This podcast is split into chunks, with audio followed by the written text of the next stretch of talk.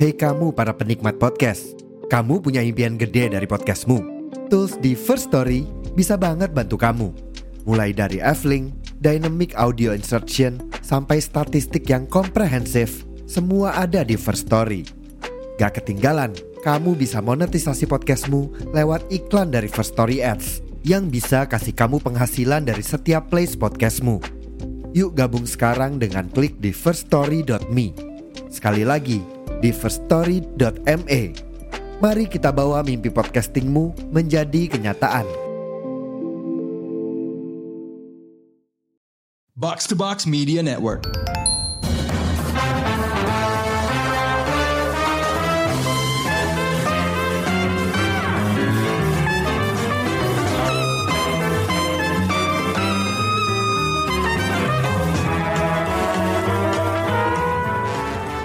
Halo pendengar Showbox, balik lagi di review Indonesia bareng gue Amy dan teman-teman Showbox.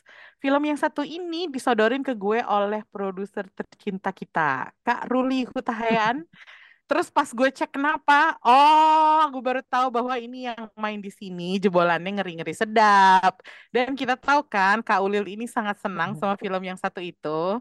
Jadi saya memasukkan agak lain ke daftar film yang harus direview bulan ini. Um, ini film ketiga dari Imaginary yang berhasil dalam 12 hari doang mencapai 4 juta penonton. Rekor luar biasa nih. Dan agak lain ini dibintangi oleh komika sekaligus podcaster agak lain Indra Jegel, Boris Bokir, Benedion, dan Oki Rengga. Genrenya sih kalau menurut gue agak ke Thailand-Thailandan ya. Uh, mencampur komedi dan horor. Tapi gue pengen tahu dulu nih dari Ulil yang menyodorkan film ini ke gue untuk pertama kalinya. Bisa nggak sih lo ceritain dulu Lil sinopsisnya tuh tentang apa ya si agak lain ini? Oke, jadi ini tuh ceritanya tentang um, Okti, Boris, Indra, dan uh, Benedion yang merupakan podcaster yang agak lain bermain di dalam film ini dan mereka tuh mau mengejar mimpinya masing-masing gitu. Dan untuk mengejar mimpinya itu uh, mereka bikin rumah hantu di taman hiburan. Jadi mimpinya tuh mereka ada ada bermacam-macam gitu Emi. Ada yang lagi mau ngejar nikahan, ada hmm. yang mau uh, bebas dari apa penagih hutang, ada yang mau ngerawat ibunya supaya cepat sembuh karena sakit, ada yang mau mengejar mimpinya jadi angkatan gitu. Akhirnya hmm. terciptalah si rumah hantu ini ya kan. Awalnya si rumah hantunya tuh nggak laku karena emang nggak serem kayak rumah biasa aja sampai akhirnya si Oki datang ah ini mah rumahnya emang gak seram gitu akhirnya dibenerin dibenerin oh ternyata nih rumah hantu bawa keuntungan tapi di bawah di dalam membawa keuntungan itu di belakangnya ternyata ada kedukaan gitu yang bikin seremnya oke okay. jadilah okay. jadi tuh ya ngebayangin mereka berdua okay. ada komedi dan horornya tercampur lah di situ tapi uh, ada satu uh, kejadian di rumah hantu itu yang akhirnya bikin serem, yang bikin kedukaan karena ada satu orang pengunjung ternyata dia punya lemah jantung gitu dan dia masuk rumah hantu. Akhirnya oke. Okay.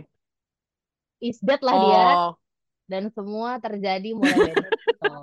Di balik is dead-nya dia ternyata itu banyak cerita-cerita yang bikin deg-degan, mengharukan, bikin banyak duit juga okay. dan oke okay. gitulah itu se sejauh itu gue bisa lihat sih dari trailernya meskipun nggak terlalu detail ya tapi dari trailernya kan udah ditunjukin tuh si orang yang kena serangan jantung itu ya hmm. di dalam rumah itu terus gue merasa kayak wah ini kayaknya potensinya oke juga nih untuk jadi premis sebuah film gitu uh, tapi kalian gimana sih selama dan setelah nonton agak lain? Apakah ada sesuatu yang lain dari experience kalian nonton film ini? Coba dijelasin. Kalau dari gue, ini tuh bener-bener fresh banget membuka awal tahun 2024. dan waktu oh, ya? nonton ini, okay. gue tuh ngewar tiket lumayan sih. Sampai akhirnya kayak, oke okay, gue nyerah, gue dapet uh, bangku tiga dari depan. Dan surprisingly gue menikmati film ini dengan amat sangat tidak cranky walaupun gue duduk, duduk di depan jadi kayak lucu banget gitu gue seneng seru gitu Oke, fresh, oke, oke. fresh banget gitu itu Ah. dari gue Kalau Rengga, kalau Rengga gue tahu nih nontonnya kemarin pas libur nasional bukan sih? Lo bayar tiket harga harga weekend gak sih, Reng? Oh tidak, saya baru Oh, nonton tidak. kemarin. Saya mending Oh, ntar aja deh. gitu. pinter juga lo.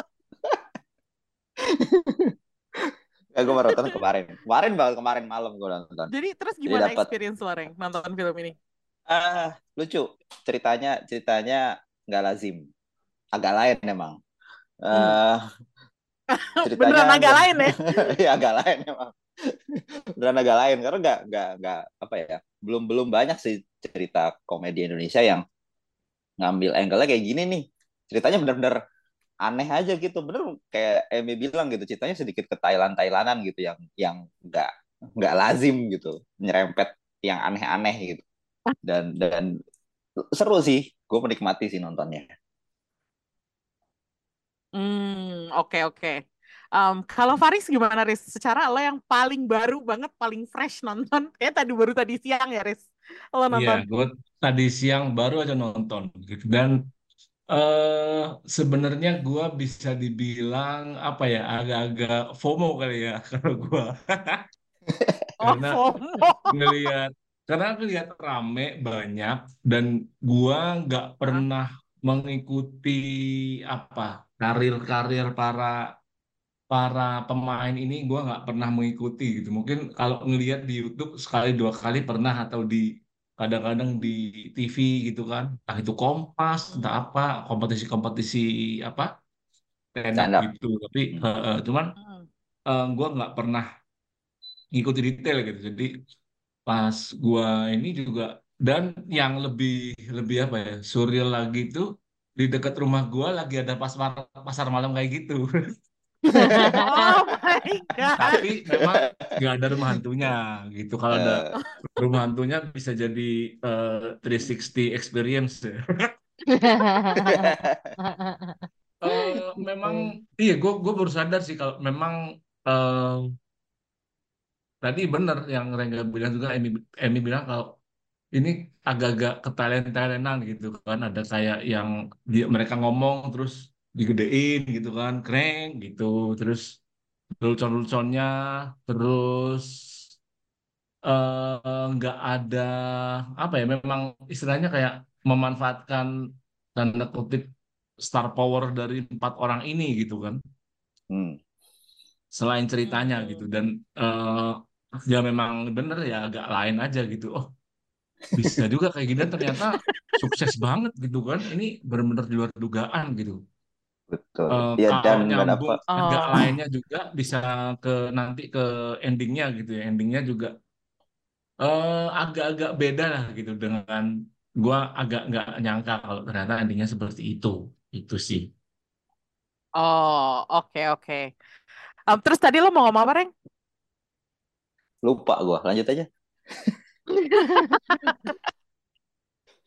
Tapi ini ya yang gue agak concern adalah melihat durasi film ini, which is hampir 120 menit, 2 jam. Padahal ini kan film komedi ya. Gue nggak biasa nonton film komedi selama itu gitu. Eh, apakah menurut lo durasinya oke, terlalu lama, atau porsinya pas untuk pembahasan plot dan semua pendalaman karakter itu gimana? Eh, kalau dari gue ya Hmm. sebenarnya rada kelamaan sih. Soalnya kayak Oke, menurut gue film ini rada kedodoran di tengah-tengah. Oke. Eh, jadi rada kelamaan. Kalau misalkan dipotong misalkan 15 menit aja menurut gue itu pas banget. Soalnya gue rada rada rada sedikit bosen tuh di tengah-tengah karena ceritanya kayak ceritanya begini begini aja. Bukan begini aja sih kayak lucu jokesnya tapi kayak banyak jokes yang menurut gue kayak ini nggak nggak perlu dimasukin deh atau jokesnya kelamaan gitu atau menurut gue kayak apa ya eh, di di sini tuh jokesnya tuh kayak masih masih masih pakai formula stand up gitu loh jadi lu butuh build up sampai nanti ada punchline-nya gitu Ya. nah Hmm. kadang build up itu kelamaan punchline-nya terkadang kayak Oh. aduh kurang lagi punchline-nya gitu loh dan harusnya kayak ini bisa Ah, diikat nih iya, iya. gitu Ya, jadi kayak ketika lu menuliskan lelucon itu mungkin di, di tulisan atau tapi begitu lo divisualisasikan ke layar lebar itu kayak kayak kurang enak deh gitu. Atau mungkin visualisasinya kurang bagus atau gimana gitu. Jadi kayak ada beberapa jokes yang menurut gue kayak bisa bisa beda bisa dikat atau bisa dikurangin porsinya biar lebih padat Oh. aja gitu filmnya Mungkin itu tipe-tipe jokes yang nggak majuin plot kali ya, Reng. Jadi ya udah Nah, jokes iya, sekedar jokes betul. aja gitu, tapi nggak membantu plotnya untuk berkembang gitu. Iya, Oke. salah satu salah Apakah- satunya kayak jokesnya si apa ya? Yang Ari Kriting sih. Plot plotnya Ari Kriting gitu. Yang Menurut nyindir gua- nyindir kehidupan pribadi dia. Betul, itu lucu Ah. tapi kelamaan menurut gua. Jadinya kayak ya ya lama banget sih. Gua udah tahu lucunya di mana tapi ya udah gitu loh. Ya, ya, ya, ya. Ya. Mm-mm. Oke, kalau Ulil apakah setuju bagian tengahnya kedodoran atau buat lo nikmatin aja, Lil? Eh, gue setuju sama Rengga kalau ini tuh terlalu lama dan tengahnya kedodoran gitu. Kayak banyak adegan-adegan yang seharusnya tidak perlu diulang gitu. Kayak menunjukkan nah, si rumah hantu ini adalah udah viral terus antri pengunjung rame. Itu tuh kayak berulang kali dimasukin. Jadi kayak bosan gitu. Dan eh, Mm-mm. teknik-teknik mereka menakut-nakuti di rumah hantu itu pun kayak Iya gitu. Gimana ya? Kayak ya udah gitu-gitu lagi harusnya nggak sepanjang harusnya nggak sepanjang itu dan juga bener tuh jokes-jokes dari em, eh, apa namanya komika-komika sama ak- aktor-aktornya di sana juga agak terlalu apa ya? Terlalu lama gitu. Dan Oh. dan mereka menuju ke solusi di belakangnya tuh jalan jalan menuju ke sana itu terlalu muter-muter-muter juga walaupun memang dikasih bumbu untuk sedikit lebih lucu gitu ya cuman ini mau ke mana sih gitu Oh, walaupun oke. endingnya nggak ketebak ya cuman kayak 119 menit tuh lama sih cuman terbayarkan terbayarkan karena ada BTS-nya aja lucu Iya, iya, iya, iya, iya. Iya. BTS lucu, menghibur. Iya. oke. Oke. itu lumayan menghibur kalau nggak kayak eh lah lama banget Tapi Faris nih sebagai orang yang tadi kan lo udah bilang sendiri, Riz, lo nggak terlalu kenal orang-orang ini ngelihat stand up juga nggak sering-sering banget. Em, apakah lo merasa lebih kenal dengan mereka setelah nonton film ini atau lo bisa menikmati penampilan orang-orang yang biasanya nggak lo tonton gitu?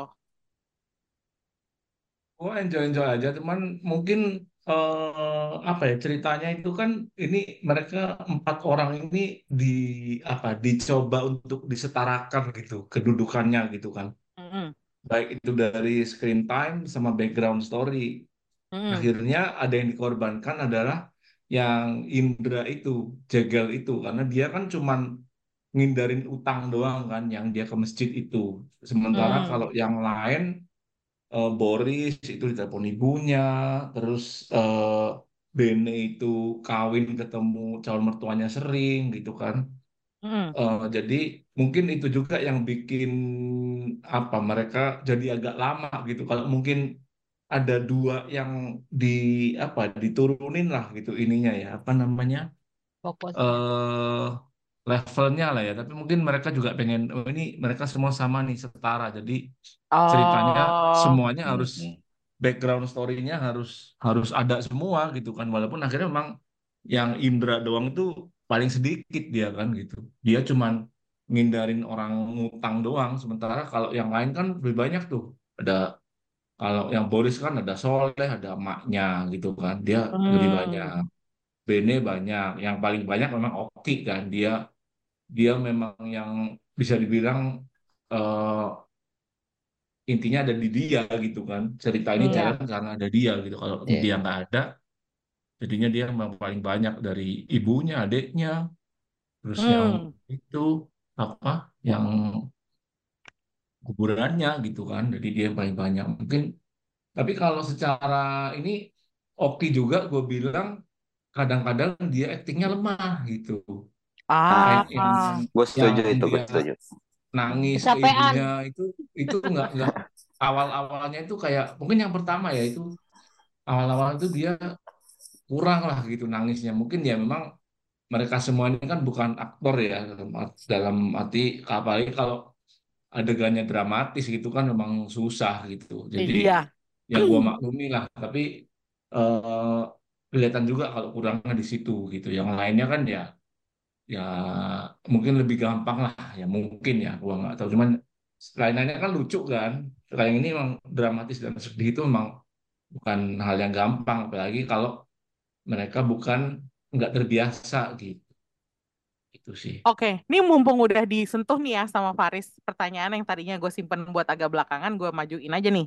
Eh ini emang cast ini memakai banyak orang-orang komika, stand up comedians yang ceritanya itu nyeritain kurang lebih kehidupan mereka gitu di dunia nyata. Jadi secara keseluruhan, apakah menurut lo akting mereka tuh muasin? Mengingat ini bukan pekerjaan utama mereka ya. Mereka bukan aktor gitu, seperti kata Faris tadi. Dan kalau dibandingin sama film-film komika yang ada sebelumnya, seperti Comic Aid atau Ngeri-Ngeri Sedap lah, atau CTS gitu misalnya. Itu gimana hasilnya di sini? Kalau ngomongin Rengga.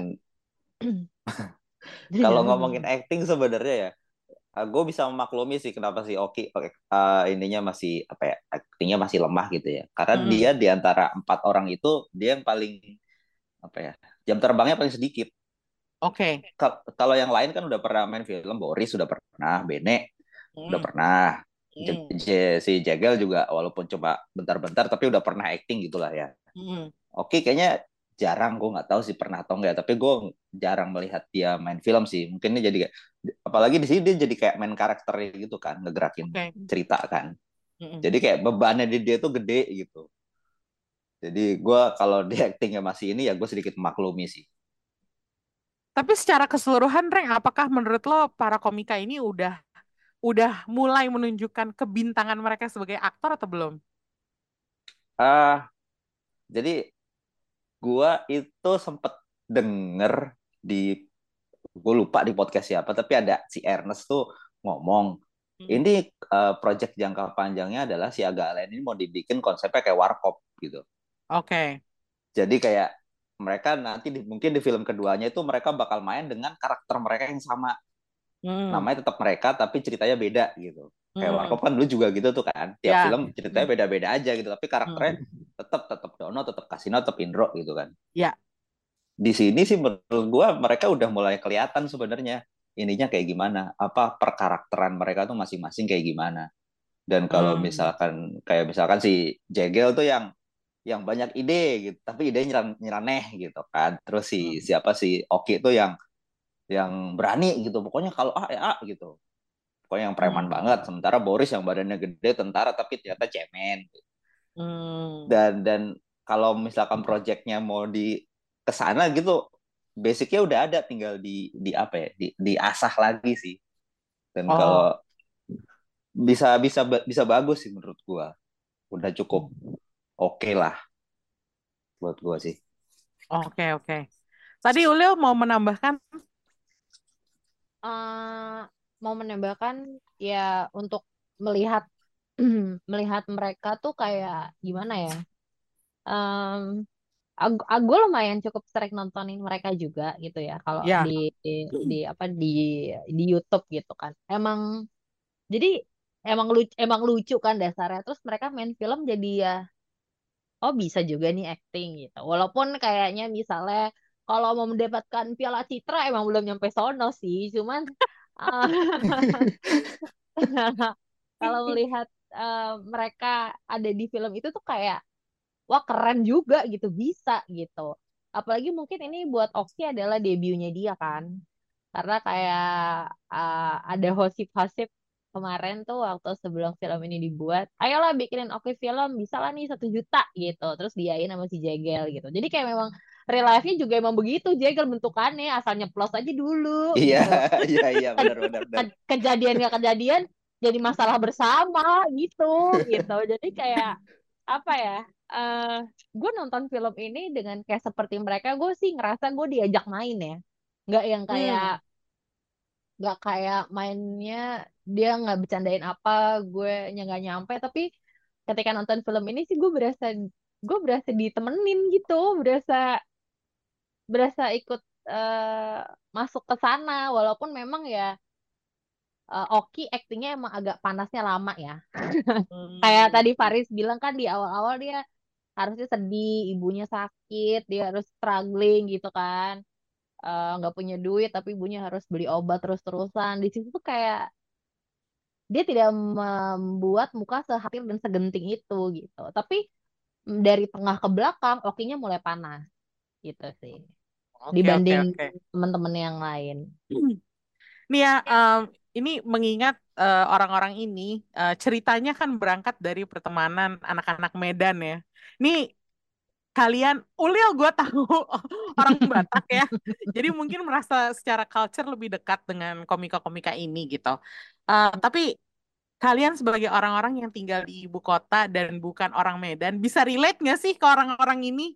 Kayak oke merasa ditemenin, tapi dengan problem mereka, problem hidup mereka, apakah lo bisa relate gitu ke masalah-masalah itu? Dan setelah nonton film ini, apakah kalian berasa punya temen orang Medan atau orang Batak gitu? Gimana? Ya, sebenarnya kan memang biasa, udah biasa kayak gitu ya. Kalau kalau yang perantauan itu pasti pertama-tama mereka akan mencari orang yang satu daerah gitu ya. Ya, Itu udah Iya. lumrah lah di mana-mana itu dari dari jauh. Gua pun juga orang rantau. Pas gua kuliah itu banyak teman-teman gua orang Batak gitu. Jadi cukup cukup relate lah gitu sama sama omongannya, oh, sama sama kelakuannya ya kayak gitu-gitu memang gitu memang memang gue udah selama kuliah itu di dikelilingi oleh banyak orang Batak jadi ya oh ya ya memang kayak gitu gitu apa eh, cocok-cocok aja lah gitu Eh, pantas-pantas aja gitu gue sebagai orang Jawa yang dikelilingi orang banyak orang Batak oh iya ya memang kayak gitu sih dulu gitu Apa apalagi lo anak hukum ya, Riz? Isi orang Batak semua. Oh ya bener, oh bener. kalau pengalaman lo, Reng, apakah sama kayak Faris? Mengingat lo bukan anak hukum ya.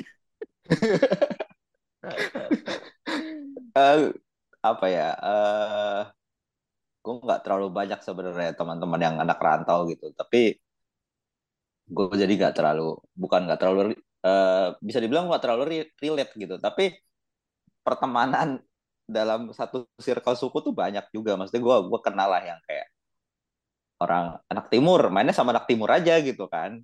Hmm. ada juga yang gue gua tahu tapi yang gue relate tuh ada salah satu temen gue yang itu permasalahan sama kayak Bene gitu. Ah ini nggak punya duit lagi tapi sementara harus Dikejar-kejar.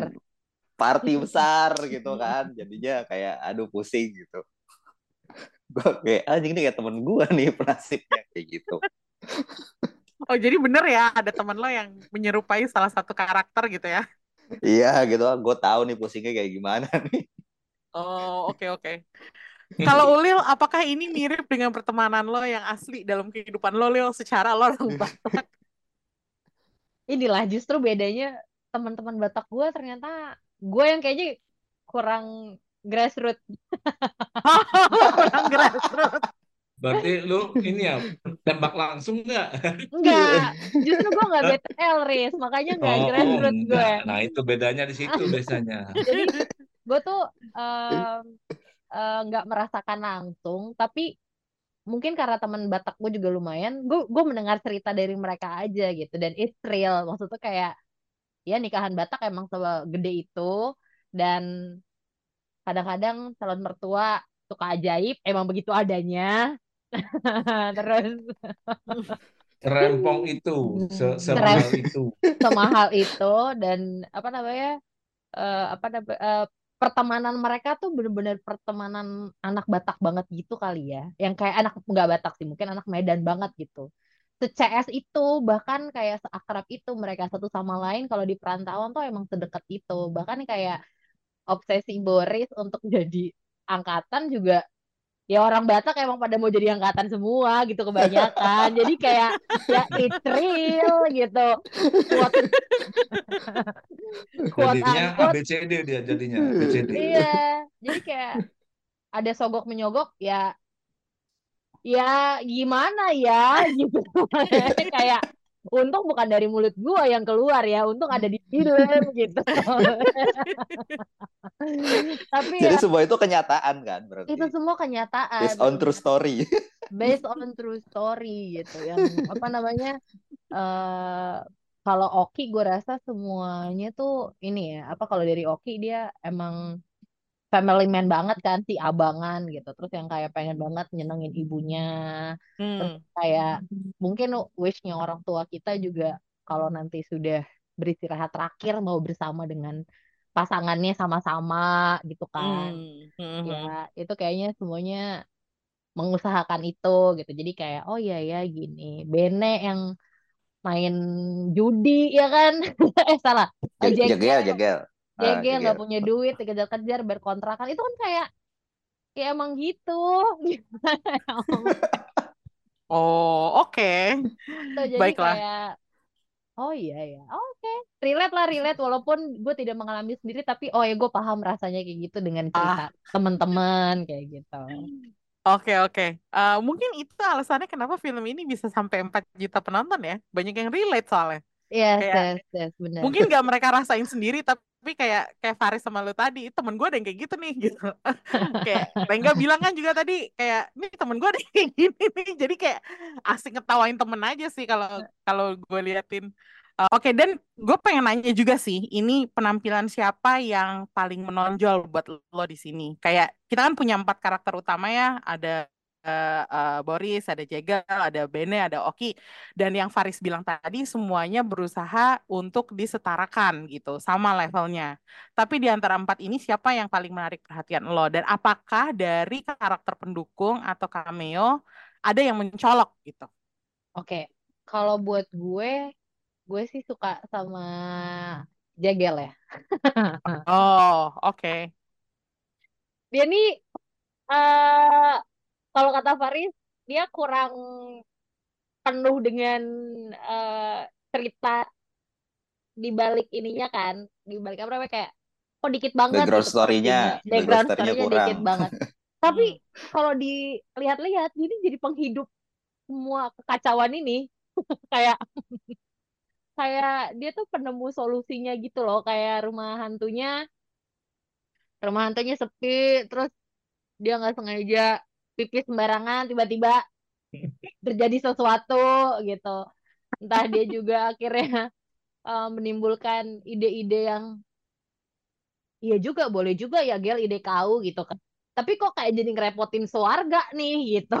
Jadi kayak Oh, gimana ya dia penghidup lah yang yang kayak gimana ya nggak ada dia tuh nggak rame gitu gemes aja sama idenya dia gitu dan oh, mungkin juga karena dia udah eh, sering juga dilihat di layar kaca dan layar lebar ya jadi cukup familiar jadi sudah beberapa kali udah lebih enak lah ngeliat actingnya dia emang lucu oke. aja gitu penghidupnya aja untuk segala ide-ide yang muncul tuh dari dia gitu Oke. Ya, ya, ya, ya, setuju. Maksudnya eh, mungkin porsi dia backgroundnya sedikit itu digantikan dengan ya itu kayak eh, dia ngide dan yang lain itu akhirnya nurut setuju iya gitu kan. iya Ngide, kan iya ide lu, ide lu gitu. Atau enggak yang pertama ya itu beberapa kali emang kayak gitu kan gitu. Ide agak lain, ide agak lain itu muncul dari dia kan beberapa kali. Hmm, Yang lain ya akhirnya ngikut gitu kan. Ta- tapi kalau yang menonjol, kalau gue bilang menonjol, kalau gua, gua kan nah tadi Uli bilang karena dia lebih sering nonton gitu kan, jadi eh, familiar. Karena gua nggak ada yang familiar gitu kan, Hmm. ya kayak tadi gua bilang, gua ini cuman FOMO doang, pengen lihat, uh rame nih nonton deh gitu. Akhirnya, oke, ya nggak ada yang menonjol, dalam artian nggak ada yang menonjol, semuanya bagus gitu, nggak nggak ada, oke lah nggak ada yang jelek lah, gitu aja sih. Kalau dari gue sih gitu nggak ada yang kompak ya wow, gua kompak paling yang agak-agak apa ya, kan diselipin romance ya, romansnya tapi yang di luar tuh kan Pak polisinya sama yang jaga loket itu tiket kan ya sedikit. Hmm. Eh, Hmm. cuman eh si mbaknya itu juga lumayan lucu sih dia kadang-kadang lucu lah gitu yang ya apa Lucu ya, kan. iya. Freonnya kena terus dia iya iya aja Terus, Itu siapa ya yang main mbaknya? Tisa, Tisa Biani. Oh, Tisa Tisa Biani. Biani. Iya, Tisa Ah, dia oke aku oke. meranin cewek-cewek rada-rada kayak gitu. Iya, iya. Dia kalau Jago dia actingnya. polisinya Pak polisinya lebih ke polos gitu kan itu itu eh, Iya. yang memberi warna lain lah gitu kalau yang lainnya kan ngocol semua teriak-teriak semua gitu apa eh ya kocak yang ini ya ada lain lah dikit gitu. Kalau yang pemeran ya itu supportingnya mereka berdua lah ada ada cukup oke lah di luar empat itu. Oke. justru dia Kalau lo, dicengin, Reng, Emi. apa? Dia kenapa? Si Tisa Bisanya dicengin sama warga. Oh, jadi nih Tisa the real KKN di desa penari ya gitu. Karena emang lebih horor. Eh, Gimana ya ngomongnya? Ya gitulah dia orang-orang tuh lebih suka Tisa di sini dibanding di di KKN KKN. itu. Keluarlah si ceng-cengan itu di sosial media. Lucu lagi tapi yang ngomong jegel lagi. Tetap. Oh, oke oke. Terus kalau Rengga nih milih siapa nih, Reng? Gua sama kayak Ulil sih. Si Oke. Jegel cukup mendapat apa ya perhatian gua lah di sini karena itu balik lagi sih. Tuh Hmm. kayak ini kayak kayak kasinonya. Banyak ide. Banyak banyak ide-ide aneh gitu. Hmm. yang yang yang punya Hmm. apalah inilah inilah. Tapi akhirnya semuanya nurut aja gitu. Awalnya kayak apaan sih lu? gitu. Tapi ya udah deh gitu. Gitu aja gitu. Karena kalian nggak punya ide sama sekali kan. Dia doang yang punya ide. Oh. jadi kayak Oh. apa ya? Ya itu ngidupin cerita sih. Terus ngocol juga kan Hmm. anaknya ngomongnya suka suka nggak di filter gitu jadi beneran apa- beneran ngidupin suasana sih si Jagal di sini Oke. Nah, eh, Lil, lo kan nonton dia di Ngeri-Ngeri Sedap ya. Eh, apakah ada perbedaan atau perkembangan dari penampilan dia di Ngeri-Ngeri Sedap sama di agak lain ini, si Jagel? Oh iya dia main ya ngeri sedap ya gue lupa Main Iya. dong, main. Main, main. Jadi siapa ya Iya, iya. adiknya ya? Kan Boris kan Boris main ya. Ya, Boris sama Jegel ya di situ ya. baru sama Jagal ya sama bener Jagel sama Bene. ini Si main ya main si Bene, Bang. Eh, sempet ada main gak enggak sih dia? dong Dia yang nulis ya? enggak dia direkturnya Oh iya benar. Iya, Iya, iya. iya, iya. Si Jagel tuh main. Dia tuh apa ya? Aku dia adeknya jadi dia anak yang kedua dari bawah kedua dari bawah yang paling kecil kan yang yang tuh. cewek. Heeh. oh, yang cewek yang Oh yang yang di Oh. Jogja ya berarti ya. yang Yang di Jogja ya? di- Iya, iya, iya, iya. Yang KKN ya dia ya. oh iya bener yang KKN Heeh, KKN yang KKN apa punya kebun apa gitu kan ngurusin terus dia nggak mau pulang. Kalau dari Iya. acting sih dia lebih keluar di sini ya, Emmy. Di agak lain ya. Oh, oke. Dia lebih hidup di sini ya. Cu- Karena kalau yang di ngeri-ngeri sedap itu menurut gue itu fokusnya ke kehidupan si Boris dan kehidupan si anak cewek yang paling akhir. Oke. Ya, berarti Gitu. fokusnya emang bukan di dia aja gitu ya. Emang bukan di dia. Nah, tapi ya bener kayak kata Faris tadi si agak lain ini mau ke empat-empatnya tuh punya porsi yang sama jadi punya uh, punya kenangan yang berbeda lah di tiap kita tuh akan keempat orang ini gitu. Tapi Hmm. kalau progres dia dibanding film filmnya se- sebelumnya si Hmm. Ngeri Ngeri Sedap gue sih lebih suka Jagel di agak lain ya. Lebih keluar aja gitu. Oh, oke. Ya, paham sih. Um. Gue ngangkat ngeri-ngeri sedap juga karena waktu itu kan yang nyutradarin kan si Bene ya. Terus eh, ini yang sekarang yang nyutradarain juga stand up sebenarnya kan si Muhatli Aco itu kan dia stand up comedian yang akhirnya jadi sutradara gitu. Eh, gue sempat baca salah satu review buat film ini bilang bahwa penggarapannya si Muhardi Aco ini untuk cerita itu dianggap mateng banget dan humornya efektif tanpa melewati batas. Jadi gue agak agak kaget juga ya kayak wah ternyata stand up itu emang selalu punya potensi besar jadi sutradara gitu. Eh, gue pengen tahu analisa kalian terhadap kerja dia sebagai sutradara dan penulis, mengingat dia masih ya bukan orang baru juga, tapi belum filmnya tuh belum banyak juga gitu. Gimana menurut lo tentang kinerja dia sebagai sutradara? Silakan Karengga. Bapak PWMG. Rengga. Eh, si Aco tuh gue mengang- menganggap dia tuh kayak ini kayak prote protegenya si Ernest sih. Oh, oke. Eh, dia kayak dari awal karirnya dibimbing sama Ernest gitu kan. Mm-mm. Terus ya Ernest kita tahu udah sukses. Terus sekarang dia kayak udah jadi, ah gue udah jadi produser deh. Gue nggak mau jadi sutradara lagi. Lebih kayak gitu. Jadi kayak Oke. apa ya menurunkan tongkat estafete ke Aco gitu loh kayaknya. Mm-mm.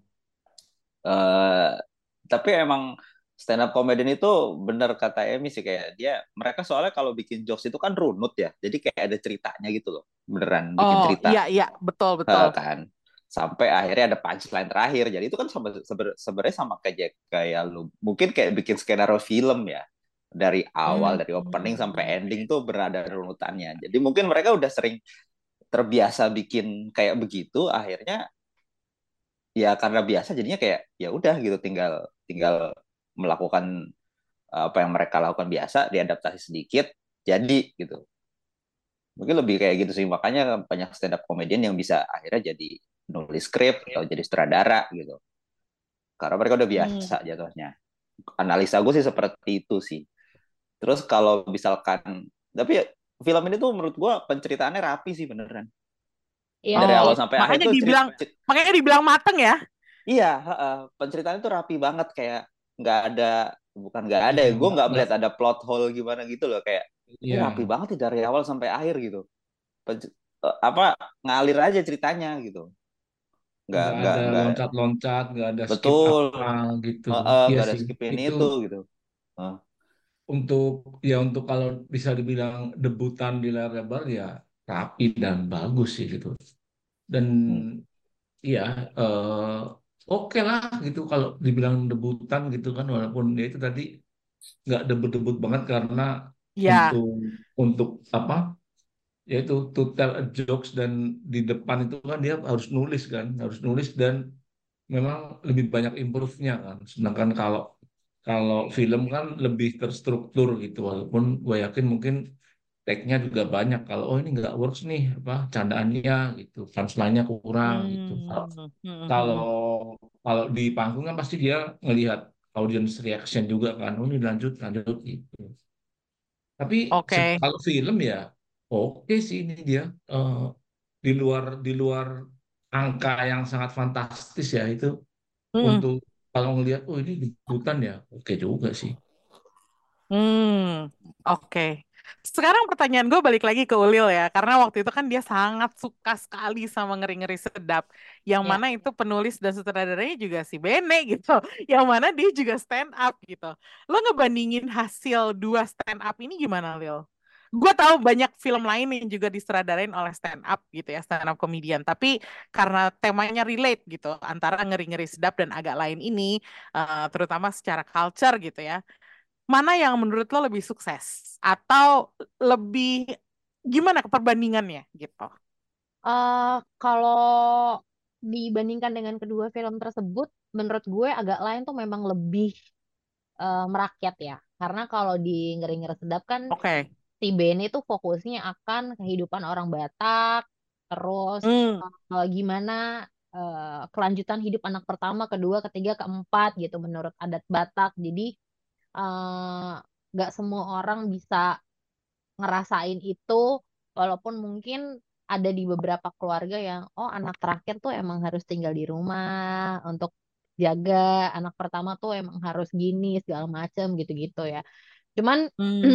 eh, lebih boomnya sih agak lain ini ya karena memang ceritanya sangat ngena sekali ke kehidupan halayak banyak Oke. walaupun nggak bisa ngerasain tapi eh eh, sekitar kita tuh ada kayak gitunya dan itu gue setuju ceritanya Aco tuh rapi sekali dari awal sampai akhir bener-bener yang kita nggak ada kebingungannya dan eh, salutnya adalah gue sama sekali tidak menebak endingnya akan seperti apa sih. Jadi sepanjang film itu gue kayak aduh ini endingnya gimana ya jadinya gitu.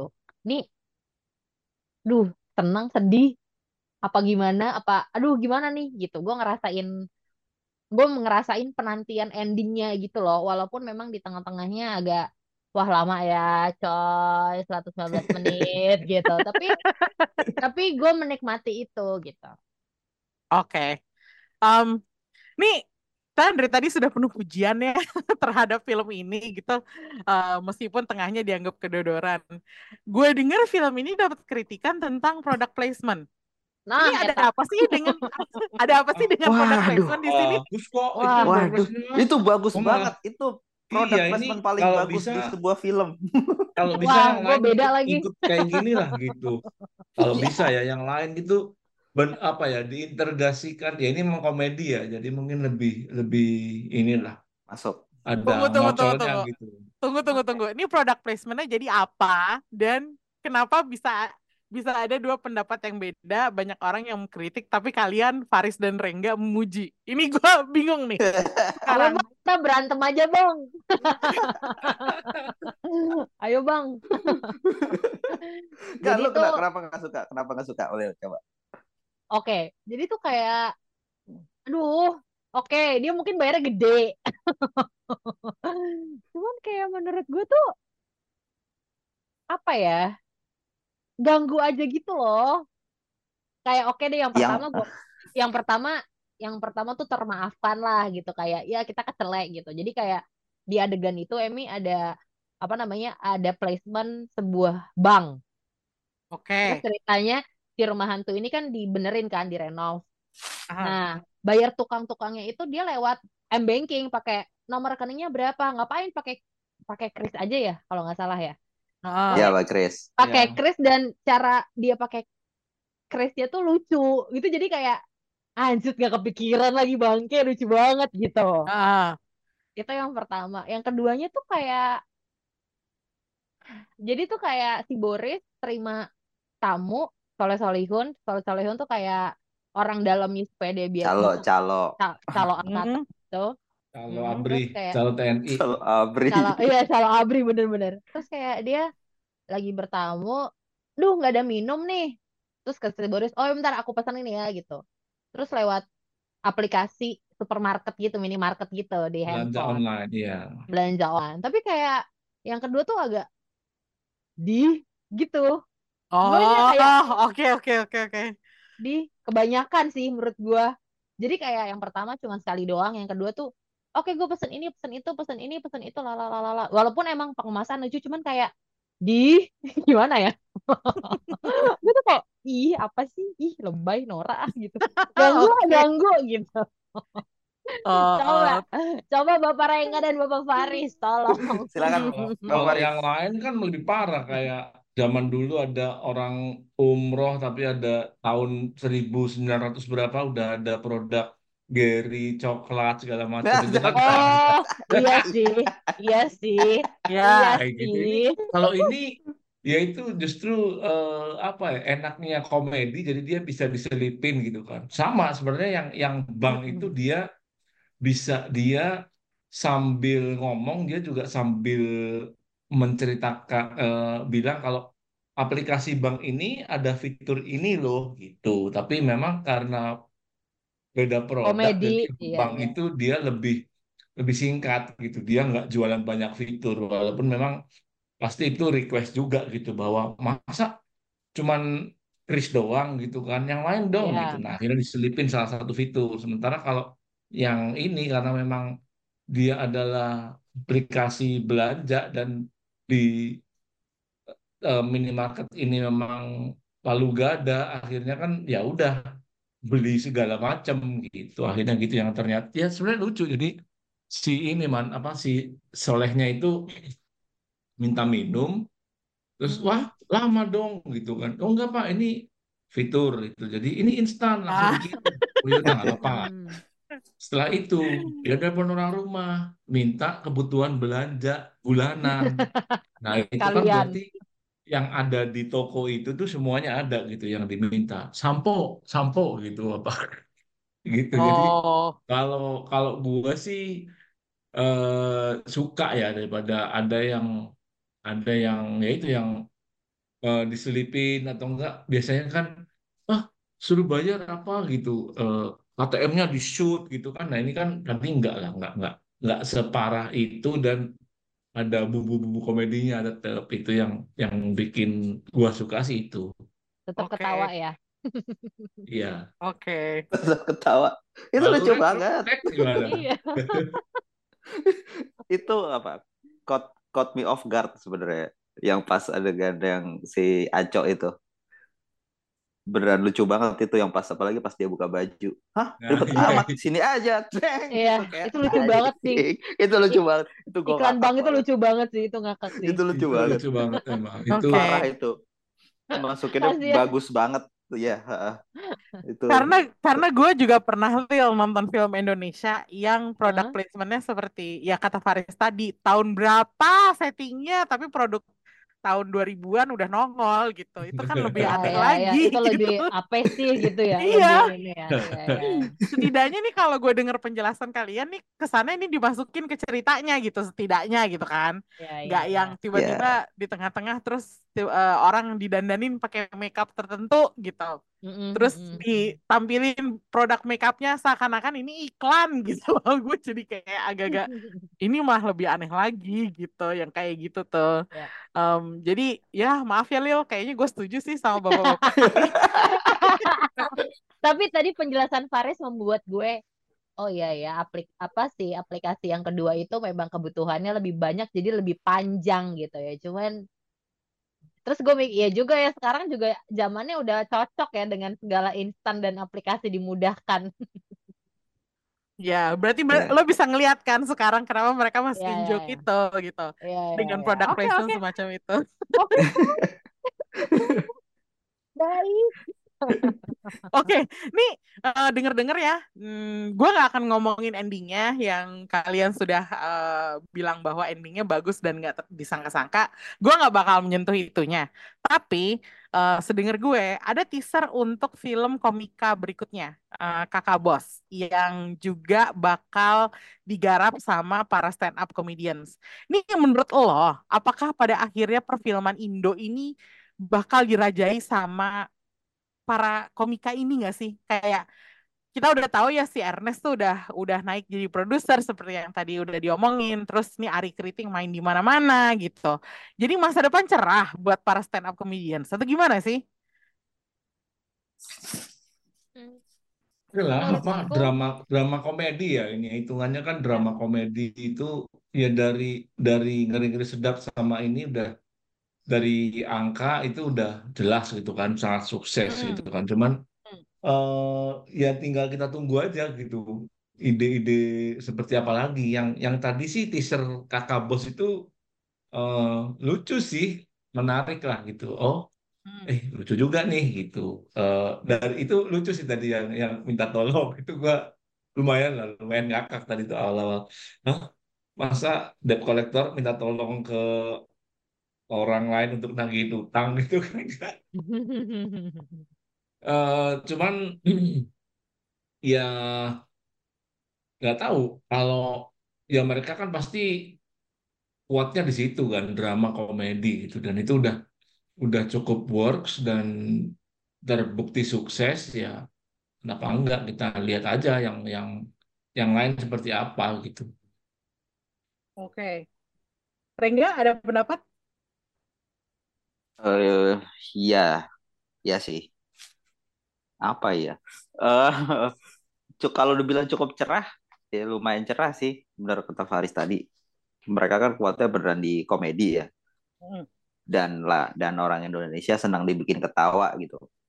Hmm. Ke dan di Amerika sendiri juga banyak stand up komedi yang akhirnya lari ke layar lebar kan kayak siapa? Kevin Hart.